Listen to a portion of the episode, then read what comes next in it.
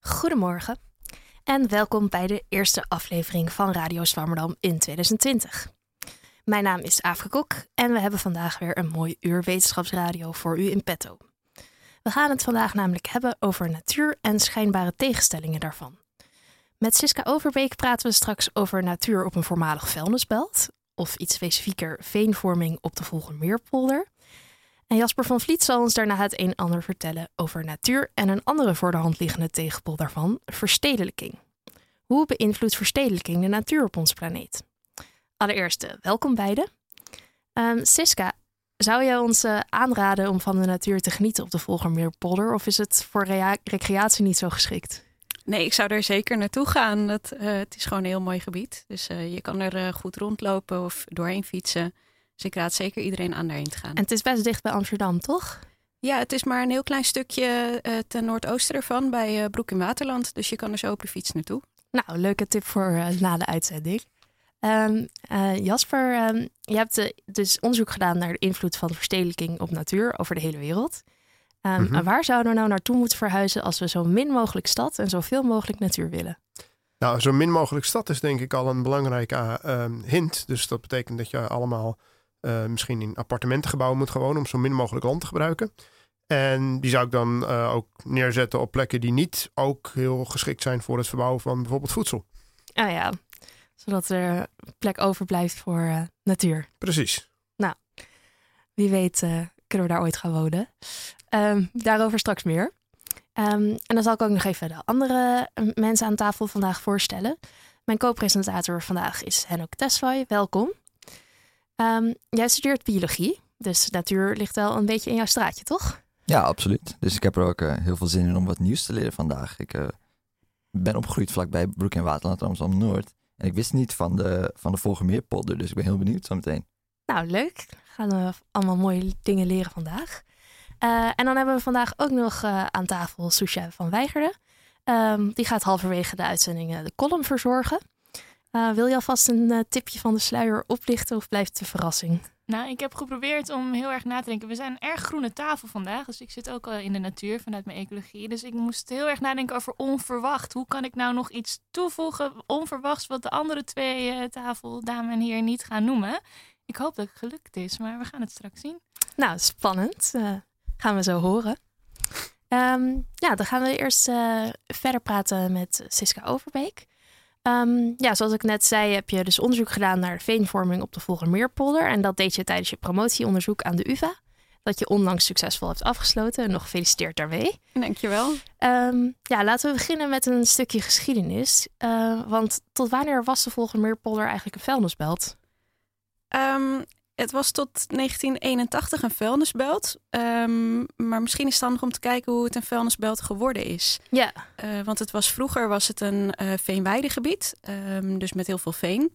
Uh, en zo rond 1920 besloot de gemeente Amsterdam dat het handig was om daar turf te gaan winnen voor brandstof.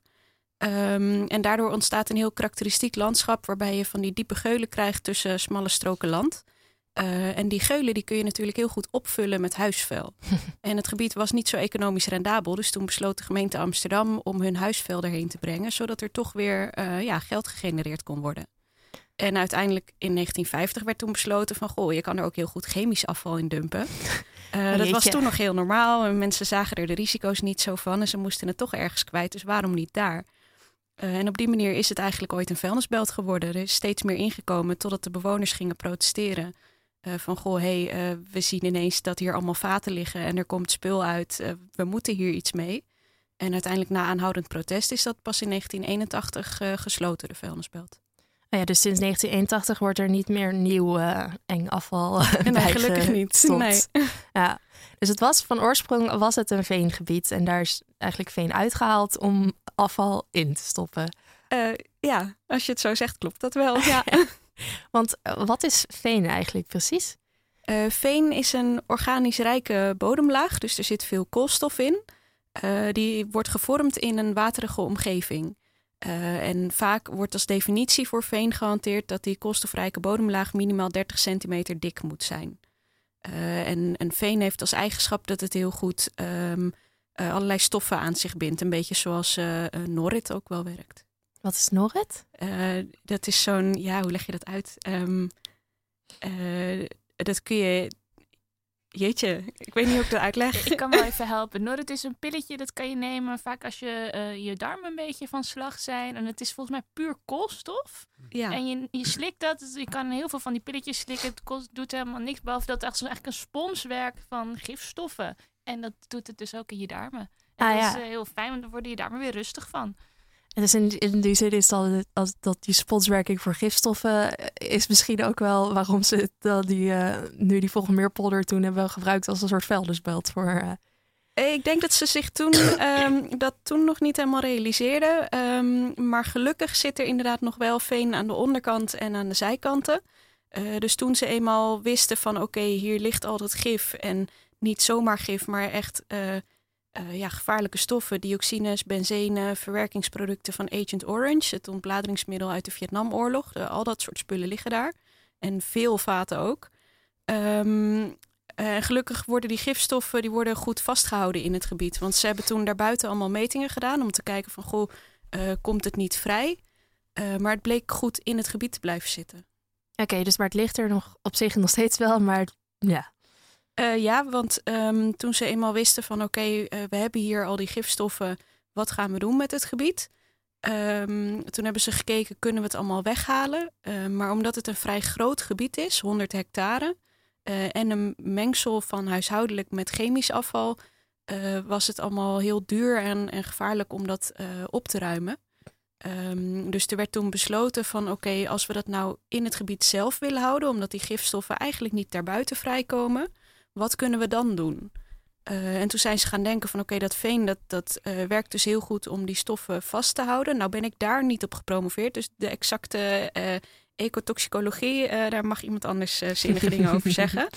Ehm, maar ze hadden toen bedacht, als we nou ook weer een veenlaag bovenop vormen, dan zit waarschijnlijk die stoffen gewoon goed ingepakt en dan kan het nergens heen. En dan, ze zijn wel verplicht om het tot in de eeuwigheid te blijven monitoren of het niet vrijkomt.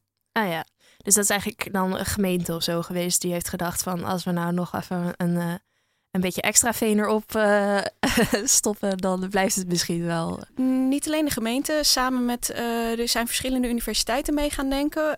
De Universiteit van Amsterdam, waar ik uiteindelijk bij ben gekomen, maar ook Radboud Universiteit in Nijmegen, Utrecht Universiteit. Ik weet niet of er toen nog meer partijen bij betrokken waren. Ehm, eh, maar die hebben er eh, samen over nagedacht toen van goh, wat kunnen we hier nou mee? En uiteindelijk ook samen met een eh, landschapsarchitectenbureau is er bedacht van oké, we willen daar veen bovenop gaan vormen. Maar er is niet goed bekend hoe je dat in een nieuw gebied zo snel mogelijk op gang brengt. Want het werd tijdelijk afgedicht met een soort plastic afdeklaag, ook wel geomembraan genoemd. Maar die vergaat natuurlijk binnen 50, misschien 100 jaar. We weten niet zo goed hoe lang dat duurt. En binnen die tijd wil je een dik genoeg veenpakket hebben, zodat ook aan de bovenkant alles beschermd is. En de vraag was, hoe vorm je dat nou zo snel mogelijk? Eh, dus daarom hebben ze een soort van vijvers gemaakt, die ook wel sawa's of bassins worden genoemd. Ehm, en hebben ze er dus onderzoekers op gezet, waarvan ik er eentje was via de Universiteit van Amsterdam. Om te kijken hoe je dat nou eh, zo snel mogelijk op gang brengt. Want ho- hoe lang eh, duurt het normaal gesproken eh, voordat de veen een beetje gevormd is? Eh, nou, normaal is dat een heel langzaam proces. Je spreekt dan echt over nou ja, duizenden jaren. Veen groeit meestal met ongeveer een millimeter per jaar. Dus dat, dat gaat echt heel langzaam. Want je begint met een open bak met water. Ehm, en dan groeien er wat planten op de oevers en misschien wat ondergedoken waterplanten. En pas als die planten afsterven en het steeds wat minder diep maken, dan kunnen de planten zich vanuit de oever weer verder naar het midden uitbreiden. Misschien ook met, met eh, de wortels het water in groeien, waardoor ze drijfmatten vormen. En dat wordt dan heel langzaam steeds wat minder diep en dan krijg je een steeds dikkere eh, bodemlaag. Maar dat gaat dus heel langzaam. En in een nieuw gebied kan dat soms iets sneller gaan. Kan dat tot eh, tientallen millimeters per jaar zijn. Maar het was dus de vraag hoe je dat in de Volgemeerpolder op gang brengt. Ja, ja om een, een proces van normaal duizenden jaren even in honderd jaar. eh, Ja, want het liefst willen ze gewoon een, een dikke laag van, nou ja, weet ik veel, 50 centimeter misschien in die 50 tot 100 jaar. Dus dat moet wel even sneller gaan dan normaal. ja. En ehm, kan je veen transplanteren? Is dat een proces wat, zeg maar, zouden ze in theorie veen, eh, wat misschien op een andere plek gegroeid is, eh, kunnen transplanteren naar een eh, nieuwe locatie? Ja, ehm, maar we hebben natuurlijk wel een gebied van 100 hectare. eh, en dat is gewoon heel erg groot. Mhm. Ehm, dus je hebt niet zomaar even genoeg veen voor dat hele gebied. Nee, dus dat is Eh, vooral een praktische. Zeg ja, maar, er is natuurlijk wel al eerst zand op aangebracht om het allemaal te stabiliseren. En dan daarop eh, die, die plastic afdeklaag. Daarbovenop nog weer zand. En daarbovenop pas die vijvers als het ware. Met kleidijkjes ertussen om ze allemaal van elkaar te scheiden. Ehm, er is wel gedacht om, eh, of nee, in een aantal onderzoeksbassins is een laag klei en ook een laag eh, organische grond aangebracht. Voormalige veengrond, maar omdat het een tijdje op de kant heeft gelegen en er dus zuurstof bij kon, noem ik het zelf geen veen meer wat daarin is aangebracht. Want er zijn gewoon al afbraakprocessen in geweest. Hm. Maar dat is wel, wel bekeken als optie van ehm, eh, komt het dan sneller op gang. En ja, dus even voor ons beeld, hoe, hoe ziet het er daar nu uit? Nog steeds eh, chemische vaten die eh, boven de grond steken. Eh, nee, gelukkig niet. Ehm, eh, als je daar nu rondloopt, dan zie je eigenlijk ehm, eh, heel veel grote eh, vijvers, als het ware. Ehm, en die vijvers die worden door kleidijkjes van elkaar gescheiden. En in het onderzoeksgebied hadden we dan we hadden negen grote vijvers die we allemaal in drie stukken hebben verdeeld, waardoor we eh, drie verschillende soorten bodems aan konden brengen. Eh, namelijk dus zand, klei en organische bodem. En daarin drie verschillende waterregimes konden doen. Waardoor we dan negen verschillende behandelingen hadden, allemaal in drievoud. Eh dus dat waren kleine bassins. En in de rest van het gebied, want er is ook nog een heel groot stuk wat niet voor het onderzoek is gebruikt. daar heb je dus iets grotere vijvers. En de ene is wat dieper dan de ander. Dus sommige zijn helemaal volgegroeid, andere zijn nog vrij leeg. Ja, want wat voor een soort eh, planten of, of dieren dingen eh, groeien en leven daar dan nu? Ehm, eh, van alles. Ehm, je ziet heel veel eh listodden. In elk geval in, ja, in het stukje waar wij onderzoek hebben gedaan, dat stuk ken ik zelf het beste. Daar zagen we in de eerste jaren vooral heel veel listodden. Ehm, ik ben er de laatste tijd zelf niet meer geweest, maar het schijnt dat er nu ook wat meer riet eh opkomt. Wat ik zelf heel mooi vind, is in de tijd dat er margrieten bloeien, dan zie je overal margrieten bloeien. Hm. Dat heeft verder niks met de veenvorming te maken, maar het ziet er wel ontzettend mooi uit. Ehm, ja, van alles. Je ziet er eh, eh, allerlei planten en, en dieren. En er zitten lekker veel vogels ook wel.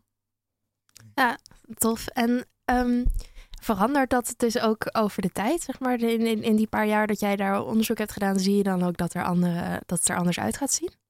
Eh, ja, ehm, dat heet ook wel successie in de ecologie, opeenvolging van soorten. Ehm, als je zo'n nieuw gebied hebt, dan moet dat natuurlijk nog gekoloniseerd worden. Ehm, deels eh, zijn er dan zaden ook wel meegekomen in die grond die is aangebracht. Dus eh, de planten die daarin aanwezig zijn, nou ja, die komen sneller op. Andere die zullen aan moeten komen waaien, net als de beestjes, ja, die moeten ook komen. Dus je ziet over de tijd heen dat er steeds meer dieren komen, eh, steeds meer planten en, en dat verandert echt wel over de tijd. Kan je eigenlijk al ehm, iets zeggen over of het teruggaat naar de ecologie die er was voordat zeg maar, het een vuilnisbelt was? Is daar iets over bekend? Weet je dat misschien? Eh, daar weet ik niet zo heel veel van af hoe het er nou precies uitzag voordat het die vuilnisbelt werd. Eh, wat ik wel weet is dat het ehm eh, listodden vind je niet vaak terug in veenpakketten.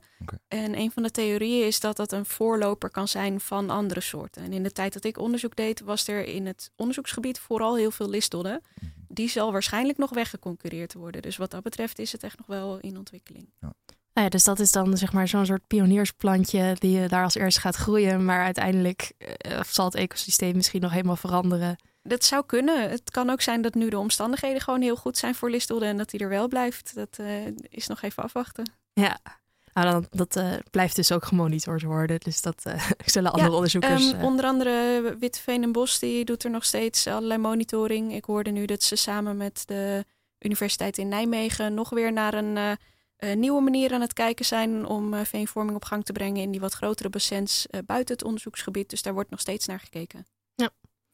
En ehm, ja, dus je hebt onderzoek gedaan naar die veenvorming. Eh, wat voor soort experimenten eh, voer je dan eigenlijk uit? Of ja, wat voor soort onderzoeksmethode gebruik je?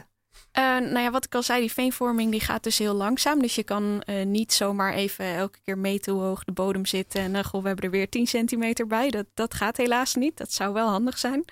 Eh, maar wat je wel kan doen, Ehm, de hoeveelheid veenvorming hangt eigenlijk af van de balans tussen de hoeveelheid ehm, eh, biomassa die wordt gevormd, dus plantenmassa, eh, en de hoeveelheid die afgebroken wordt. Want alleen als er meer wordt gevormd dan er afgebroken wordt, dan kan er wat op de bodem blijven liggen. Dus we hebben gemeten ehm, eh, nou ja, hoeveel biomassa er nou in een jaar wordt geproduceerd door verschillende planten bij verschillende omstandigheden. en ik heb met zogenaamde litterbags, een soort zakjes die je in het water legt, uh, gekeken hoeveel er afgebroken wordt over een jaar. En dan kun je die balans uh, opstellen. En, en, leg je dat dan echt gewoon op een weegschaal? Of is dat uh, een beetje te simpel gedacht van mij? Nee, ja, eigenlijk wel. je oogst het en dan moet je het drogen, zodat je... Um, verschillende planten hebben een verschillende hoeveelheid water. En je wil ze wel kunnen vergelijken. Dus we doen dat altijd door het drooggewicht te bekijken. Um, en dan leg je ze inderdaad op de weegschaal. En voor die afbraakexperimenten moet je dus weten hoeveel heb ik erin gedaan en dan, ik heb het na een half jaar, na een jaar weer eruit gehaald. En dan kijk je hoeveel heb ik nog over. Ah ja. En hoe vaak ga je dan eigenlijk, ging je dan zeg maar naar die uh, volgmeerpolder toe? Of was je vooral in het lab? Uh, nou, ik ben wel heel veel in het veld geweest. um, ik heb periodes gehad dat ik echt gewoon, uh, ja, even denken hoor, zo'n, ik denk wel 32 of 40 dagen lang of zo om de dag in de Volgemeerpolder was. Om die oh, litterbacks erop in te doen of eruit te halen. Oh ja. Ik ben er wel veel geweest, ja. Ja, leuk. Um, ja, en je onderzoek, uh, in je onderzoek heb je gekeken naar uh, levende factoren en niet levende factoren. Um, uh, laten we dat even splitsen. Dus welke levende factoren beïnvloeden veenvorming? Um, nou ja, zoals ik al zei, veenvorming is dus afhankelijk van die balans tussen productie en afbraak.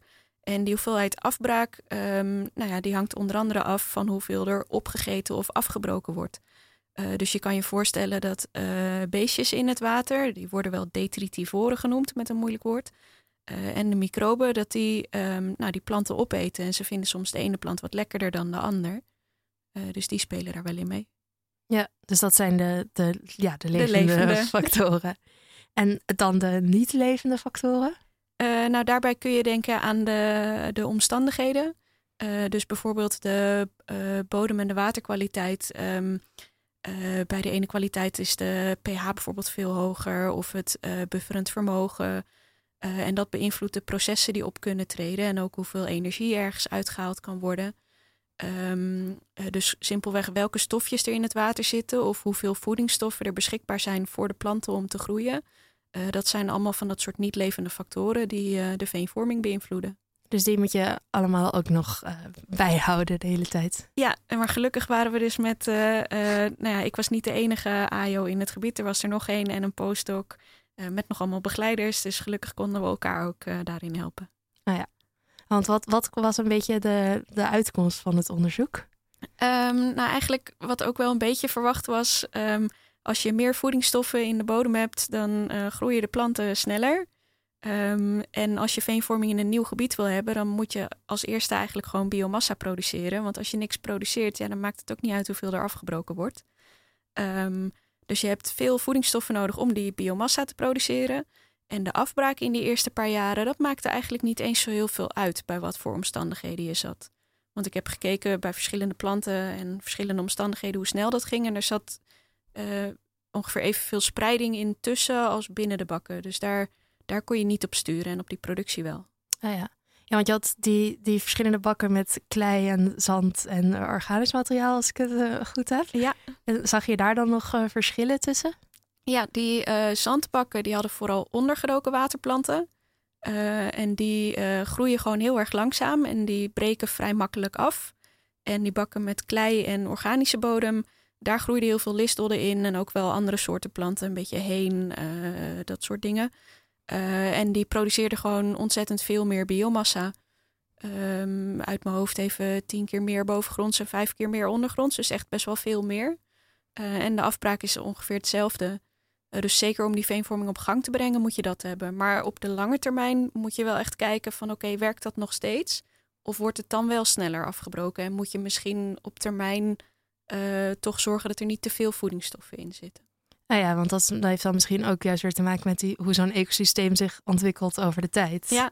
ja. hoe meer voedingsstoffen, hoe lekkerder het is om het op te eten voor de beestjes. Dus ja, dat wil je ook niet. Yes. Dus eh, is het dan ook wel het idee dat ehm, in principe er, laten we zeggen, actieve interventie gaat plaatsvinden als we bijvoorbeeld merken dat de veenvorming iets, langzaam, eh, iets langzamer gaat dan gepland? Of is het een soort van, zeg maar, set it and forget it, dat we eh, kijken wat het werkt, dan zetten we het neer, dan laten we het gewoon zijn gang gaan? Nou, ik hoop dat ze inderdaad wel eh, blijven kijken. Ehm, want het is heel leuk om in die eerste vier jaar onderzoek te doen. Ehm, maar het is natuurlijk ontzettend belangrijk, vooral omdat dat gif er nog steeds onder ligt, om wel op tijd een eh, dik genoeg veenpakket te hebben. En ehm, eh, in die zandbakken moet wel echt iets gebeuren, want anders komt het er gewoon te langzaam op gang. En eh, gelukkig is er eh, een beheerderscommissie, eh, waar dus onder andere mensen van Nijmegen Universiteit en van Witteveen en Bos in meedenken.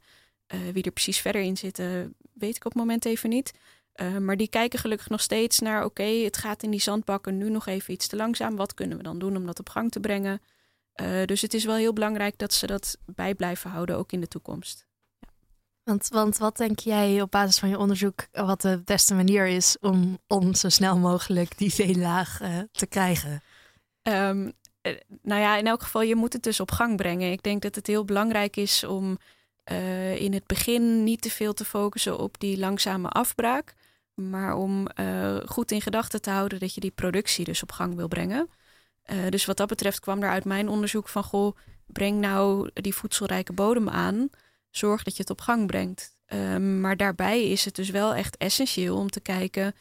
Um, hoe dat op de langere termijn gaat verlopen. En die langere termijn, ja, daar heb ik niet naar kunnen kijken in die vier jaar.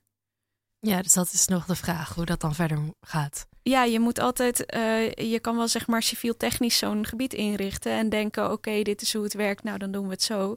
Maar je, je moet die ecologische principes daarbij niet uit het oog verliezen. Ja, ja dat, uh, dat kunnen we helaas ook niet zomaar beïnvloeden. nee. Denk ik. Want ben je wel optimistisch erover dat het gaat lukken? Of is daar gewoon eigenlijk nog niet echt iets over te zeggen? Nou, nee, ik, ik denk wel dat ze. Um, uh, ze zijn zich er heel goed van bewust hoe belangrijk het is voor het gebied. Want de gemeente Amsterdam, die is, uh, voor zover ik begrepen heb, gewoon verantwoordelijk voor dat gebied. Uh, dus stel dat het uiteindelijk blijkt dat die veenlaag niet goed genoeg gevormd is. Ja, dan zullen ze het weer moeten saneren als die geomembraan niet meer goed is. en dat wil niemand. Ja, dat geomembraan, zoals ik dat begreep, ligt dat er bovenop. Maar hebben ze dat ook aan de onder- en de zijkant kunnen doen? Is dat het hele pakket met vervuiling dicht ingepakt? Of uh, is het aan de onderkant nog open? Uh, nou ja, dat geomembraan dat zit inderdaad alleen aan de bovenkant, omdat dus de, uh, dat veenpakket aan de zijkant en de onderkant nog goed intact was. Mm -hmm. dat is nooit afgegraven. Mm -hmm. en dat bleek die gifstoffen goed tegen te houden. Maar ik denk dat het goed is als ze daar ook meer onderzoek naar doen, naar hoe die gifstoffen nou interacteren met dat veen. Ja, want ik heb maar een beperkte kennis natuurlijk van bodemkunde. Maar volgens mij zit in veen heel veel water wat heen en weer kan stromen. Dus als die gifstoffen oplosbaar zijn, dan snap ik wel dat het misschien een deel aan het veenpakket gebonden kan zijn. Maar het lijkt mij toch een gevaarlijke situatie dat dat water verder in open verbinding staat met de slootjes verderop. Uh, dat zou je inderdaad denken. Um, maar ze doen dus metingen in heel veel um, ja, soort meetputten eromheen. Uh, en die moeten ze ook, ze zijn verplicht om dat eens in de zoveel tijd overal te doen. Daar zijn allerlei richtlijnen voor. Uh, en daar blijkt dus uit dat die gifstoffen niet buiten het gebied gevonden worden. Nog steeds niet na zo'n lange tijd. Oké. Okay. Um, dus zolang zij dat doen, dan um, geloof ik ze ook maar gewoon op hun blauwe ogen dat dat allemaal klopt. Uh, want ja, daar weet ik dan ook weer niks vanaf. Dus, uh... Nou, toch een, een soort van optimistische noot aan het einde. Nou ja, ja. Um, ja, want uh, het lijkt me al goed als we dan uh, overgaan uh, naar de column van Susha. Um, ja, Susha, ga je gelijk van start of wil je nog iets introduceren? Ja, er zit een start met een introductie altijd een beetje. Ja, ik wou nou. dus heel origineel zijn met, met mijn verhaal, maar ik had gewoon niet zo goed gelezen. Zo heb je wel vaker, heeft iedereen wel eens last van. Toch, ik dacht vogelmeerpolder. Dus het gaat vast over vogels. Dus zolang ik maar niet over vogels ga hebben ik dacht, ik ga het over microben hebben. Super origineel. Want hè, natuur, dan denkt iedereen aan planten en dieren. Maar natuur is ook microben. Nou ja, dus ook veen, waar we het net heel lang over hebben gehad. Maar het is op zich niet erg, want we hebben een beetje een inleiding voor mijn verhaal. Want het is, uh, Daar gaat namelijk over microben. Het wordt vaak vergeten dat microben eigenlijk ook belangrijke natuur zijn. Ik was laatst in Micropia, echt een aanrader. Het is een hele mooie manier om dat onzichtbare hebben ze daar uh, onder het licht gebracht, zodat je zelf kan zien wat microben nou eigenlijk zijn en ook hele leuke animaties van wat er dan allemaal gebeurt. Waarom zeg ik nou allemaal microben? Waarom is het nou zo belangrijk? Nou, besef je even dat 57% van de cellen in ons eigenlijk mensenlichaam zijn microben. Dus slechts 43 van onze cellen in ons lichaam zijn van onszelf. Oftewel, wij zijn een soort van wandelende microbenzak. Uh, en dat is niet voor niets, want die microben in ons lichaam zijn essentieel voor onze overleving. Als die microben besluiten van weet je wat, we verhuizen is naar iemand anders, dan houdt het voor jou even daarmee op. Uh, we hadden het net al even over de Norrit, ook weer een mooi bruggetje, want uh, die darmflora is, uh, dat is eigenlijk voornamelijk microben. En verschillende darmflora blijken ook super invloedrijk te zijn op jouw gezondheid. we hebben het heel veel over de gluten tegenwoordig. Nou, er is een echte glutenintolerantie. Dat komt door je darmflora. Die heeft daar veel mee te maken. Lactose-intolerantie, ook een, een veel voorkomend verhaal als we het nu weer hebben over de havermelk. Uh, dat is ook weer met microben te maken. Sterker nog, er zijn nu studies gedaan waardoor allergieën gelinkt worden aan niet-diverse darmflora. Dus alle allergieën, ook hooikoorts en dergelijke, daar zien ze een correlatie met wat voor darmflora die mensen hebben. Oftewel, gooi je baby lekker in de modder, want daar zitten dus heel veel microben. En daardoor krijg je weer een diversere darmflora, wat dus weer heel gunstig is voor je gezondheid. Dus het gaat ook eigenlijk een beetje in tegen de hygiënische levensstijl die we tegenwoordig allemaal aanhouden, waar alles maar heel schoon moet zijn en we alle prachtige uh, flora vernietigen. Uh, en daardoor dus een, een, eigenlijk 57% van onze eigen cellen die we nodig hebben, uh, ja, uitconcurreren. Um, nou ja, Baby in de Modder had ik net al even genoemd. Dat, dat gaat ook over bodemleven. Daar heb ik net uitgebreid over gehad. Ik zeg altijd een vruchtbare grond is een levende grond. En om dat even nog te visualiseren heb ik even gegoogeld. En daar staat dan een, een theelepel van vruchtbare aarde bevat 1 miljard bacteriën, een paar meter aan schimmeldraden, duizenden protozoa, zoek dat zelf maar even op, ga ik niet uitleggen, en een paar dozijn nematodes. Oftewel, dat is één theelepeltje, dat zit dus bomvol met leven. En eigenlijk uh, is dat iets wat we vaak niet verwachten, niet over nadenken. En daarom ook vaak keuzes maken die best wel desastreus kunnen zijn voor, voor onze eigen gezondheid en de gezondheid van de planeet. We hebben veel aandacht voor landbouw. De boeren zijn weer het Malieveld opgegaan. Uh, de vraag is even hoeveel microben hebben zij met die actie wel niet vernietigd, wat uiteindelijk weer de landbouw uh, niet ten gunste komt. Bestuivers zoals bijen krijgen heel veel aandacht. Maar zonder bodemleven groeit er niets. Dus het is leuk dat we heel goed zorgen voor de bestuivers. Maar zonder die vruchtbare bodem uh, maakt het niet uit of je bestuivers hebt of niet, want er komt niks uit de grond. Oftewel, deze natuur is niet alleen onverwacht, maar ondergewaardeerd en ongelooflijk machtig. Dus ik hoop dat na dit verhaal, de volgende keer dat jullie Beyoncé horen met de vraag Who run the world? Dat je dan denkt, microben. Dankjewel. Ah, dankjewel, Susha. Mooie column. Uh, ja, Jasper, ik, ik, weet toevallig dat jij een jonge dochter hebt. Uh, zou je die ook zo in de modder gooien? Uh, nou, wij gooien sowieso niet met onze dochter. maar, dat lijkt me een goed plan. ik ik, ik vind het interessant. Ik zal, ik zal het overwegen. Kijken of we de opvoeding een beetje moeten, moeten aanpassen op basis van deze nieuwe informatie. Misschien anders gewoon meenemen naar Micropia. Ja. Mm, ja, dus um, we hebben het uh, vandaag bij Radio Sarnam gehad over natuur op een vuilnisbelt met Siska Overbeek. En dan uh, gaan we nu hebben over natuur en verstedelijking. En dat doen we met Jasper van Vliet, je hoorde hem net al. Um, Jasper is assistant professor aan de VU, waar hij onderzoek doet naar landgebruik. we gaan het zo hebben over dat onderzoek naar de invloed van verstedelijking op natuur. Maar eerst is het misschien goed om stil te staan bij onderzoek naar landgebruik in het algemeen. Want dat verstedelijkingonderzoek is op vrij grote schaal, maar dat is niet wat jullie altijd doen, toch? Uh, nee, je kunt je voorstellen, landgebruik is iets wat inherent op een bepaalde plaats uh, gebeurt. Een, een, nieuwe woonwijk of misschien een boer die een nieuwe akker ploegt of een, een, een stuk bos wat verdwijnt. Dus uh, om dat proces goed te begrijpen moet je denk ik lokaal kijken naar waarom het gebeurt, hoe het gebeurt. Maar tegelijkertijd is het ook belangrijk om ehm, al die gebeurtenissen bij elkaar op te tellen, om het zo maar te zeggen. En op mondiale schaal te kijken wat nou het totale effect is daarvan. Of misschien op continentale schaal. Dus ik denk dat het heel belangrijk is dat je op verschillende schalen kijkt naar dat proces, omdat je eh, van het onderzoek op verschillende schalen verschillende soorten informatie uh, krijgt. Dus dan heb je ook echt zeg maar verschillende PhD's waarvan de ene misschien gewoon een boer gaat interviewen en de ander naar uh, de hele aarde kijkt. Uh, nou, sterker, bij voorkeur uh, proberen wij uh, één PhD in, in, in zijn proefschrift ook op verschillende schalen naar een bepaald mm. proces te laten kijken. dus, dus het is niet alleen maar dat de PhD's complementair zijn ten opzichte van elkaar, maar ook dat de, de hoofdstukken binnen een proefschrift complementair zijn in dat opzicht. Ah ja. Ja, zodat je dus juist met die kleine schaal misschien weer vragen kan beantwoorden die je kreeg van de grote schaal en andersom. Ja, precies. En wat was dan de, de reden om met dat grote schaalonderzoek te beginnen van verstedelijking uh, en de invloed daarvan op natuur? Uh, nou, dit onderzoek, um, het, het, nieuwsgierigheid, dat is de basis denk ik van heel veel onderzoeksvragen. En um, als we kijken op, op, over de hele wereld, dan zien we dat er een competitie is voor land. Want we willen land voor een heleboel verschillende dingen gebruiken. We willen er natuurlijk wonen, het liefst allemaal in een mooi huis, misschien wel met een tuin. We willen ook genoeg voedsel om te eten. Maar het liefst willen we ook nog natuur. Want natuur uh, levert een heleboel diensten aan, aan, aan mensen. Uh, of het nou gaat om de opslag van koolstof, of het, het, het, zuiveren van lucht, of, of het voorkomen van overstromingen. Er zijn een heleboel diensten die natuur ook levert. En de vraag naar al die verschillende diensten neemt eigenlijk toe. En um, er is heel veel onderzoek daar gedaan naar uh, de rol van landbouw en voedselproductie erin. Als we dat wat intensiever doen, houden we dan meer land over voor natuur. En op deze schaal was er eigenlijk heel weinig bekend over de rol van uh, verstedelijking, stedelijk gebied. Er is natuurlijk ook veel minder stedelijk gebied dan dat er landbouwgebied is.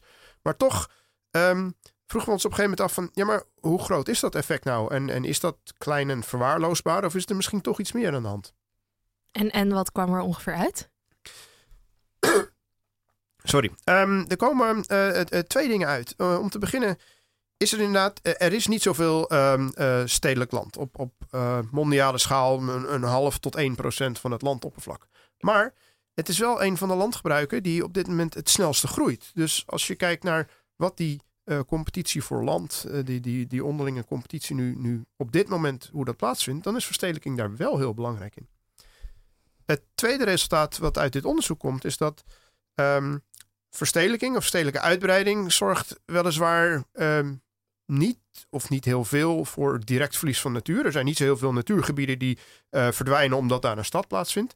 Maar uh, zoals we dat noemen, indirect. Um, wat je ziet is dat landbouwland verdwijnt voor verstedelijking. Want de meeste steden liggen nu eenmaal meer in landbouwgronden. Maar omdat we niet minder gaan eten, wordt er elders nieuw landbouwland uh, bij ontwikkeld. En daar vindt het verlies van natuur plaats. Dus we zien dat het effect indirect is en dat er ook nog een hefboomwerking in dat effect zit. Dat, dat je dus meer nieuw landbouwland nodig hebt dan dat je oorspronkelijk verliest.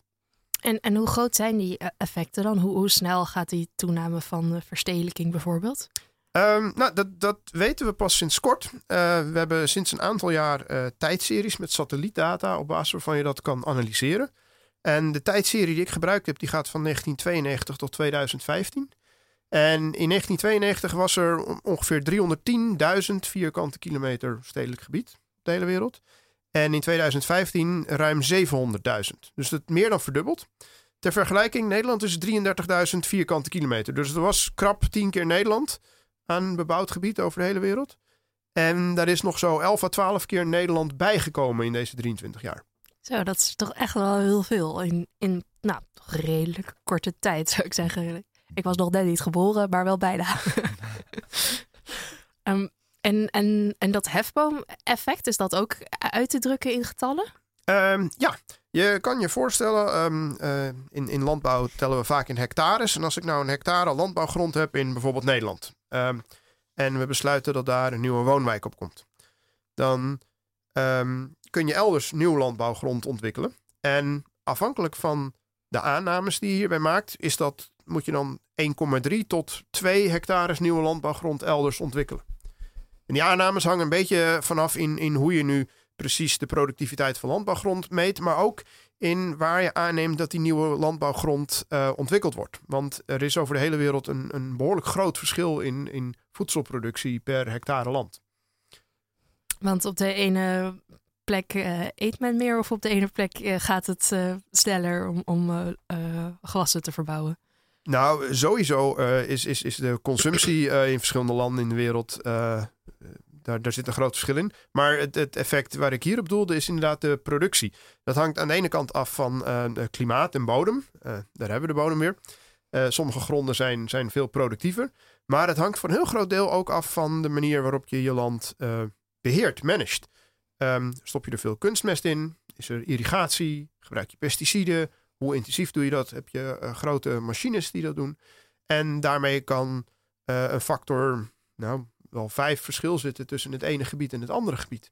Ja, dus eigenlijk door die maatregelen kan je ook de productiviteit van het gebied heel erg beïnvloeden. Ja, ja, ja. Dus um, je, je, je zou je kunnen voorstellen dat als je in Nederland, uh, daar zijn we heel intensief in het, in het gebruik van onze grond. en Um, heel veel nieuw landbouwgrond wordt helemaal niet in Nederland ontwikkeld, want heel Nederland is al een beetje in gebruik voor het een of het ander. Maar bijvoorbeeld uh, in uh, Sub-Sahara-Afrika.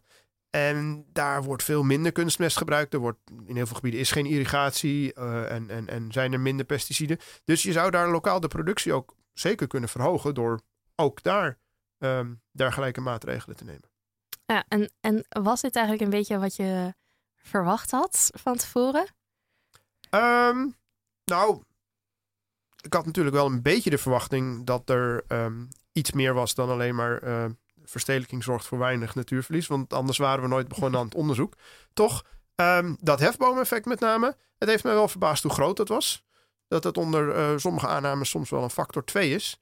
En ja, daarmee is de rol van verstedelijking in, in het wereldwijde verlies van, van natuurgebieden denk ik wel groter dan dat ik van tevoren had verwacht. Ja, ik vroeg me even af, wat is stedelijk gebied? Hoe definieer je dat? Is dat waar mensen wonen? Of heeft dat nog andere um, kanttekeningen nodig?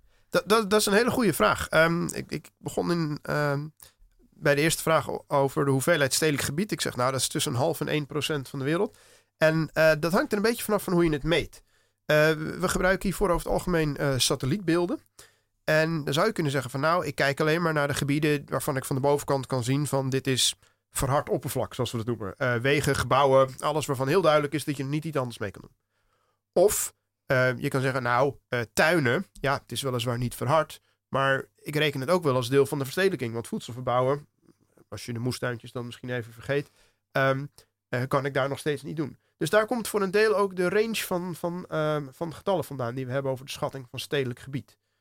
Um, en, en, en tweede factor is, is dat satellietbeelden hebben een hebben maar een bepaalde mate van detail. De satellietbeelden die wij gebruikt hebben, of eigenlijk uh, die anderen gebruikt hebben om de kaart te maken waarmee ik ben verder mee gaan rekenen. Die hebben een resolutie, zoals dat heet, van 300 meter. Dat betekent dat één pixel 300 bij 300 meter is. Maar er zijn natuurlijk uh, niet heel veel gebieden waar 300 bij 300 meter volledig bebouwd is. Dus iets wordt aangegeven als stedelijk als uh, dat het voornaamste oppervlak is binnen zo'n pixel. Dus, maar niet dus per se alles. Een, een industrieterrein is, is ook stedelijk gebied. Ja, absoluut. En een uh, Schiphol ook bijvoorbeeld. Ja. ja. Maar er zijn toch uh, veel gedetailleerdere satellietbeelden beschikbaar. Want ik heb bij een bedrijf gewerkt waar we ook wel overstromingskaarten maakten. En daar werkten we met satellietbeelden van een half bij een halve meter. Dat klopt. Uh, de satellietbeelden komen in heel veel verschillende maten van details. Maar als je op uh, mondiale schaal wil kijken, oh, dan mondiaal. is er al snel een beperking. ik dacht um, dat je naar Nederland keek. Nee, nee, nee. Ik heb dit voor de hele wereld gedaan. Um, en uh, de, de, de fijnste kaarten voor de hele wereld hebben op dit moment een resolutie van uh, 20 meter. De Sentinel-satellieten, maar die hangen nog niet zo heel lang in de lucht. En ik wilde over een langere periode kijken. En dit was de enige dataset die behalve stedelijk, of formeel moet ik dus zeggen bebouwd gebied, um, ook andere landgebruik heeft meegenomen. Ja, snap en, ik. Um, heb je dan pro geprobeerd dezelfde definities aan te houden voor de hele wereld? Uh, neem ik aan. Maar is het niet een stuk moeilijker om uh, iets te definiëren als uh, echt bebouwd of, of um, menselijk gebruikte grond in misschien een, een land in Sub-Sahara-Afrika vergeleken met Nederland, waar het zo duidelijk je de grens hebt tussen een stad en hier stopt de stad en begint de Vogelmeerpolder bijvoorbeeld? ja, absoluut. Um, ik moet hier um, verduidelijken dat een, een, een, andere groep onderzoekers heeft die satellietbeelden geïnterpreteerd en daar kaarten van gemaakt. Okay. Dat is een enorm hoeveelheid werk. Dat zijn letterlijk tientallen onderzoekers van een handvol instituten die eraan gewerkt hebben. En dat zou ik nooit zelf kunnen. Ehm, maar zij hebben wel een uh, één definitie consequent toegepast voor al die satellietbeelden. Dus in ieder geval weet ik dat als ik de situatie 1992 met 2015 vergelijk, dat ik wel appels met appels vergelijk, omdat die op dezelfde manier gemaakt is. op basis van dezelfde data. Yes, oké. Want ehm, wat is dan jouw onderzoek precies? Wat heb jij dan, uh, ja, wat, wat doe je dan met die data? Ja, um, dit is een, een, een serie kaarten die voor elke plek op aarde aangeeft wat voor landgebruik er is. Uh, bebouwd of akkerbouw of bos en nou ja, zo nog een hele serie klasses. Er zijn andere gegevens over de landbouwproductie van gebieden. En ik heb die kaarten op elkaar met, uh, of ja, op elkaar gelegd, om het maar heel simpel te zeggen. Maar er was natuurlijk iets meer bij, maar met elkaar gecombineerd om uit te rekenen um, hoeveel landbouwgrond en daarmee hoeveel landbouwproductie er verloren is gegaan door verstedelijking. En ook over diezelfde periode hoeveel nieuw landbouwgebied er uh, bij is gekomen en wat de productie daarvan is. En die heb ik ook nog aan elkaar gelinkt. Want het is niet zo dat je dat alleen maar over de hele wereld kan bekijken, omdat de meeste voedsel. Um, je, je kunt verschillende aannames maken over waar het verloren landbouwgebied heen gaat. Als we hier een, een, een stukje verliezen, gaan we het dan binnen Nederland of binnen Europa compenseren of elders. Dus ik heb die berekening met een aantal verschillende aannames gemaakt om te kijken van ja, hoeveel scheelt dat nu?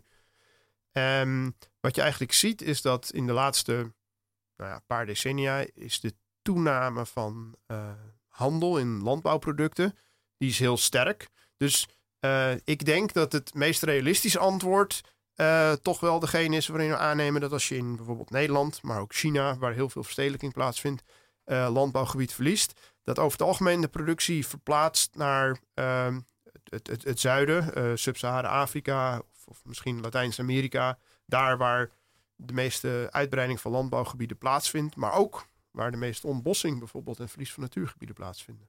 Ja, en dan uh, halen we zeg maar die steden in China die halen dan hun voedsel, die, dat importeren ze gewoon uit dat landbouwgebied in Sub-Sahara-Afrika. Zeg precies, maar. maar niet alleen mensen in China hoor, ook mensen in Nederland. Ja, precies. Ja. Maar het gaat toch niet alleen om hoeveel er geproduceerd wordt. Want stel dat er uh, in Nederland een uh, gebied uh, van de landbouw verdwijnt omdat daar stad wordt gebouwd en een ander stuk uh, wordt weer omgezet tot uh, ook weer akkerbouw. Ja. stel dat dat een veengebied bijvoorbeeld is, um, dan halen ze vaak het waterpeil omlaag en dan gaat uiteindelijk dat veen oxideren, waardoor je ook weer heel veel koolstof in de lucht krijgt. zoals dat met een mooi woord, woord heet, er gaan heel veel ecosystem services verloren. Mm -hmm. um, door uitbreiding van steden staan heel veel natte natuurgebieden eigenlijk onder druk. En, en ook omdat het bijvoorbeeld landbouw wordt, dan gaat uiteindelijk ook steeds meer weer die bodem zakken. Dus het gaat toch niet alleen maar om die, om die productie, maar ook om al die andere diensten die je niet per se in geld kan uitdrukken, uh, die verloren gaan. Ik denk dat verstedelijking uh, op heel veel andere manieren ook effect op de natuur heeft. Uh, ja, en, en, dit is er daar één van. ik heb er slechts naar één gekeken. Dat is puur de toename of afname vooral van, van natuurgebieden zelf. Maar ik ben het helemaal met je eens dat er nog een heleboel andere relaties zijn tussen verstedelijking en en, en natuur die ook het onderzoeken waard zijn. Ja, want je zegt nu natuurgebieden en hiervoor had je het over landbouwgrond. Waar heb je naar gekeken? Want... Eh, ah, um, de, de relatie tussen stedelijke uitbreiding en verlies van natuur, die is vaak niet direct. Dus we zien dat het, het gebeurt niet zo vaak dat je een natuurgebied hebt wat, je, wat verandert in stad. Hm. Maar meestal gaat dat indirect. Dus zie je dat landbouwland uh, plaats maakt voor stedelijke gebieden. En elders wordt nieuw landbouwland ontwikkeld wat ten koste gaat van natuur. En wat is dan hier je definitie van natuurgebied? Want we hebben het net stedelijk was, was uh, verhard. Mm -hmm. En wat is dan natuur? Hoe zie je dat op de satelliet? Uh, natuur, uh, en dat is een hele goede vraag. Um, want um, daar, daar, daar zijn misschien wel wat kanttekeningen bij te maken. Na natuur is in de breedste zin. Dus dat zijn moerasgebieden, het zijn graslanden, het zijn bossen heel veel. Maar bij een satelliet zie je toch vooral wat er op zo'n plek plaatsvindt. Dus je hebt bos wat natuurlijk bos is, maar er is ook productiebos. En dat is iets wat je niet in deze beelden goed kan onderscheiden. Um, omdat het grootste deel van het bos nog steeds natuurlijk bos is, heb ik dat allemaal als natuurgebied. Uh. Maar gelukkig is, is dat soort bos ook heel goed met CO2-opname nog, toch? Redelijk. Eh, bossen hebben inderdaad een belangrijke functie om CO2 op te nemen. Ja. Maar het grappige daarin is dat heel veel mensen inderdaad direct naar bossen kijken als je denkt aan CO2-opname en al die eh, mooie wetlands of natte natuurgebieden, dat ze die vergeten. Terwijl die stiekem veel meer koolstof vastleggen. Want die eh, ehm, wetlands die bedekken, eh, nou moet ik even denken hoe, wat het ook weer is, maar die bedekken volgens mij, wat is het, 4 tot 7 procent van het eh, wereldwijde landoppervlak, terwijl ze een derde deel van de eh, hoeveelheid koolstof in de bodem vastleggen. Door al die microben. Dus die zijn echt, ja, nou ja, klopt. Goed Ja. dat jullie nog even Maar die zijn stiekem, ja, die zijn stiekem veel belangrijker dan al die bossen. Alleen bossen zijn meer knuffelbaar. Kan je makkelijker inlopen. Ja, Ehm, ja, even ehm, een- ja, terug naar dat eh, hefboom-effect. Want een van de dingen die dat ook eh, veroorzaakt, eh, las ik, is dat we steden vaak oorspronkelijk hebben gebouwd op, op plekken die juist heel vruchtbaar eh, waren. En dat we dus door daar een, een, een- een stad eh, te bouwen, juist ja, productief landbouwgrond verliezen, toch? Eh, ja, dat klopt. En dat is natuurlijk ook heel logisch. Als je denkt waar eh, mensen een paar duizend jaar geleden zijn begonnen met wonen, waren dat de gebieden waar ze voedsel konden produceren. Daar zijn de eerste dorpen, later steden ontstaan. Op dit moment maakt het helemaal niet zoveel meer uit, want je kan best voedsel met een vrachtwagen een, een, een stukje heen en weer rijden.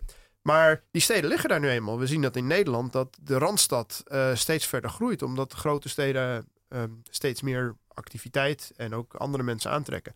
Dus op dit moment bestaat de relatie tussen de stad en, en de vruchtbaarheid van het land is eigenlijk helemaal niet zo sterk meer. Maar omdat ze nu eenmaal liggen, zien we toch dat daar alle uitbreiding plaatsvindt. Dat klopt. Ja, en eigenlijk zonde, want dan moet je landbouw gaan doen ergens anders waar het misschien minder vruchtbaar is. Ja, dat is eigenlijk heel zonde. Ehm, maar het is ook heel lastig om dat ehm, ongedaan te maken. Ehm, er zijn een aantal pogingen geweest om, of, of er zijn een aantal steden die helemaal van scratch ehm, zijn ontwikkeld. Eh, in Nederland kun je dan denken aan Lelystad en Almere. Maar internationaal zijn er nog een aantal voorbeelden. Eh, Canberra in Australië, Brasilia in Brazilië. En ook in Myanmar, bijvoorbeeld Naypyidaw. Misschien heb je er nog nooit van gehoord. Maar dat is dus de nieuwe hoofdstad van Myanmar sinds een jaar of tien. Is helemaal uit het niets ontstaan. En het blijkt toch maar met... mm, Nou, ja, het hangt er vanaf van wat je succes vindt. Maar het zijn niet echt heel gezellige plaatsen.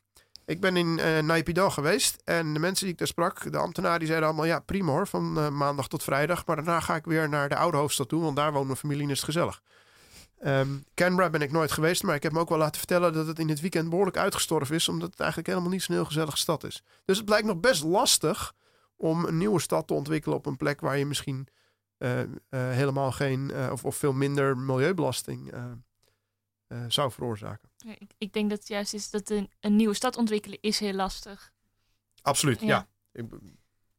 En, en die steden zijn ook niet per se daar ontwikkeld eh, om de milieubelasting naar beneden te Nee, halen. helaas. Maar ik ging hier even Ja. verder in, in de denkrichting eh, die er net waren ingestoken. Want eh, zou je wel iets in, in een stad zelf kunnen doen om het effect te verkleinen?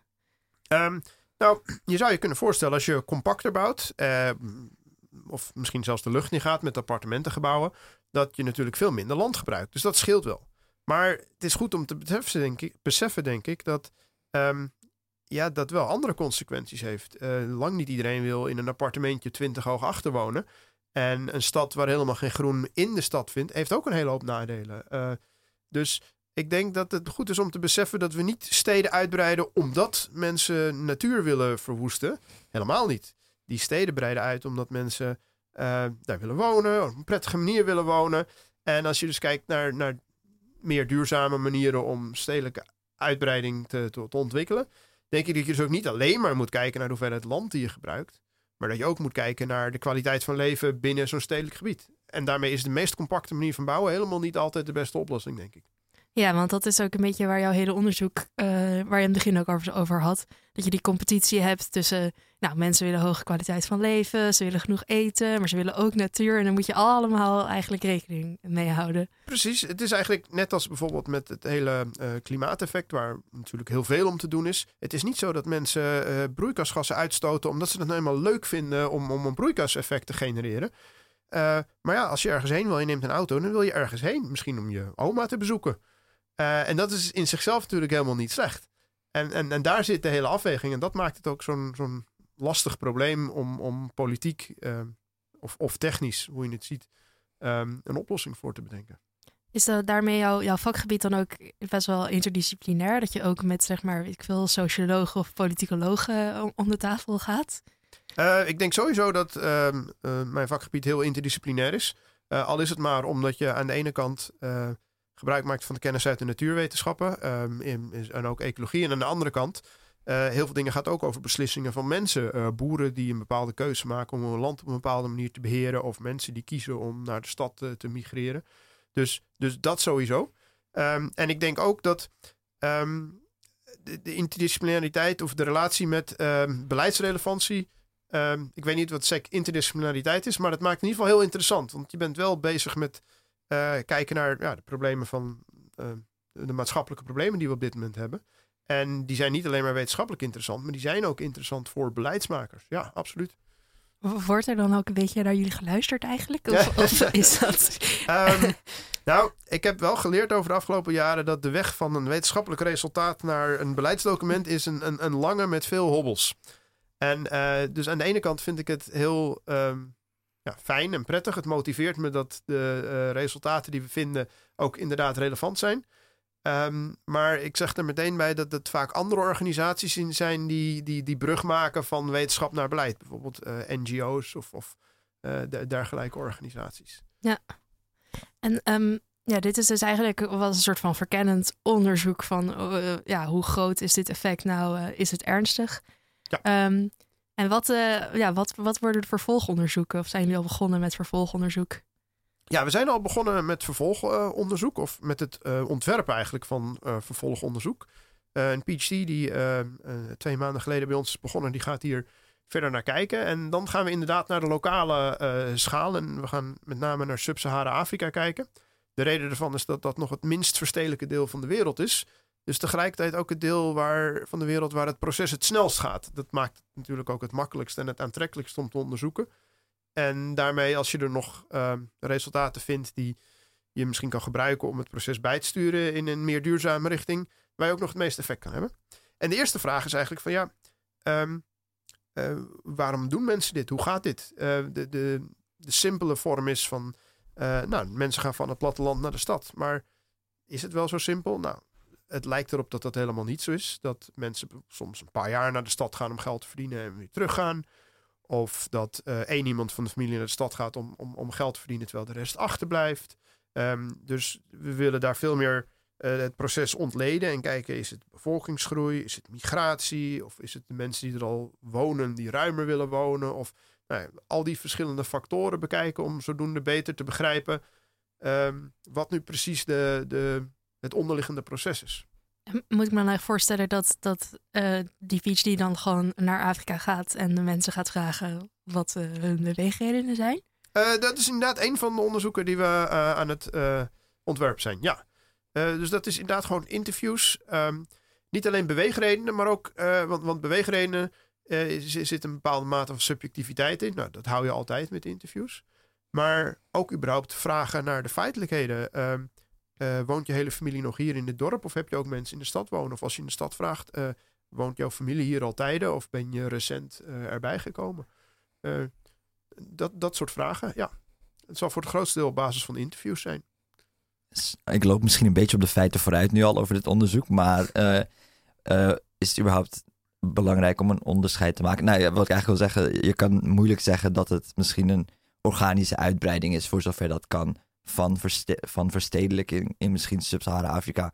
Omdat je dus heel veel eh, landen als China of grote eh, andere buitenlandse machten hebt die daar hun eigen productie willen hebben, hun eigen eten willen produceren. Dus is dat, eh, is dat een onderscheid wat belangrijk is in dit geval? Of maakt dat eigenlijk niet zoveel uit voor, voor ehm, het bestuderen van de verstedelijking? Ik weet niet of ik je vraag helemaal goed Oh. begrijp. Want aan de ene kant heb je het Mhm. over de, de- het produceren van voedsel voor bijvoorbeeld China of Europa. En aan Mhm. de andere kant heb je het over het proces van verstedelijking in Afrika.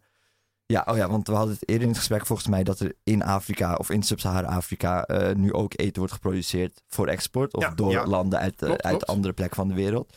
Ehm, dus dan, dan zijn die landen dus eigenlijk niet per se zeg maar organisch aan het verstedelijken, omdat er een soort van buiten uh, een macht is van buiten die zegt: oké, nu moeten we dit hier laten gebeuren, zeg maar. Nou, dat vind ik een van de leuke dingen van, van geografie. Want dat is eigenlijk mijn vakgebied. Is dat je hebt nooit een gesloten systeem. Ik heb niet een laboratoriumopstelling van een paar dorpen die ik van de rest van de wereld kan afsluiten en dit kan testen. Er zijn inderdaad altijd effecten van buiten.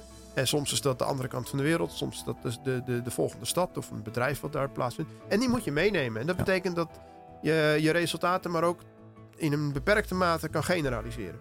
Uh, dat betekent dat soms wat je vindt is inderdaad omdat één bedrijf daar nou eenmaal in de regio iets heeft gedaan.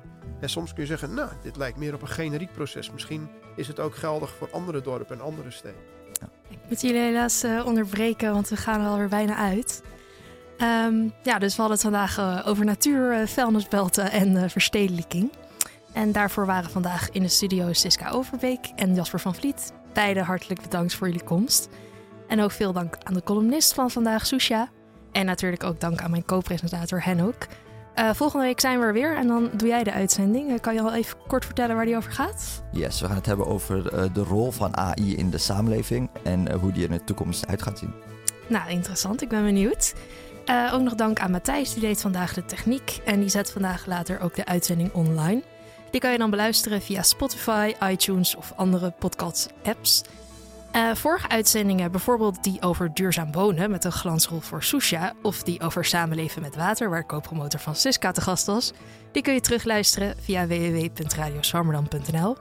Reageren op de uitzending kan via redactie.radioswammerdam.nl of natuurlijk via Twitter of Facebook, waar we ook te vinden zijn. Voor nu nog een hele fijne zondag. Mijn naam is Aafke Kok en dit was Radio Swammerdam.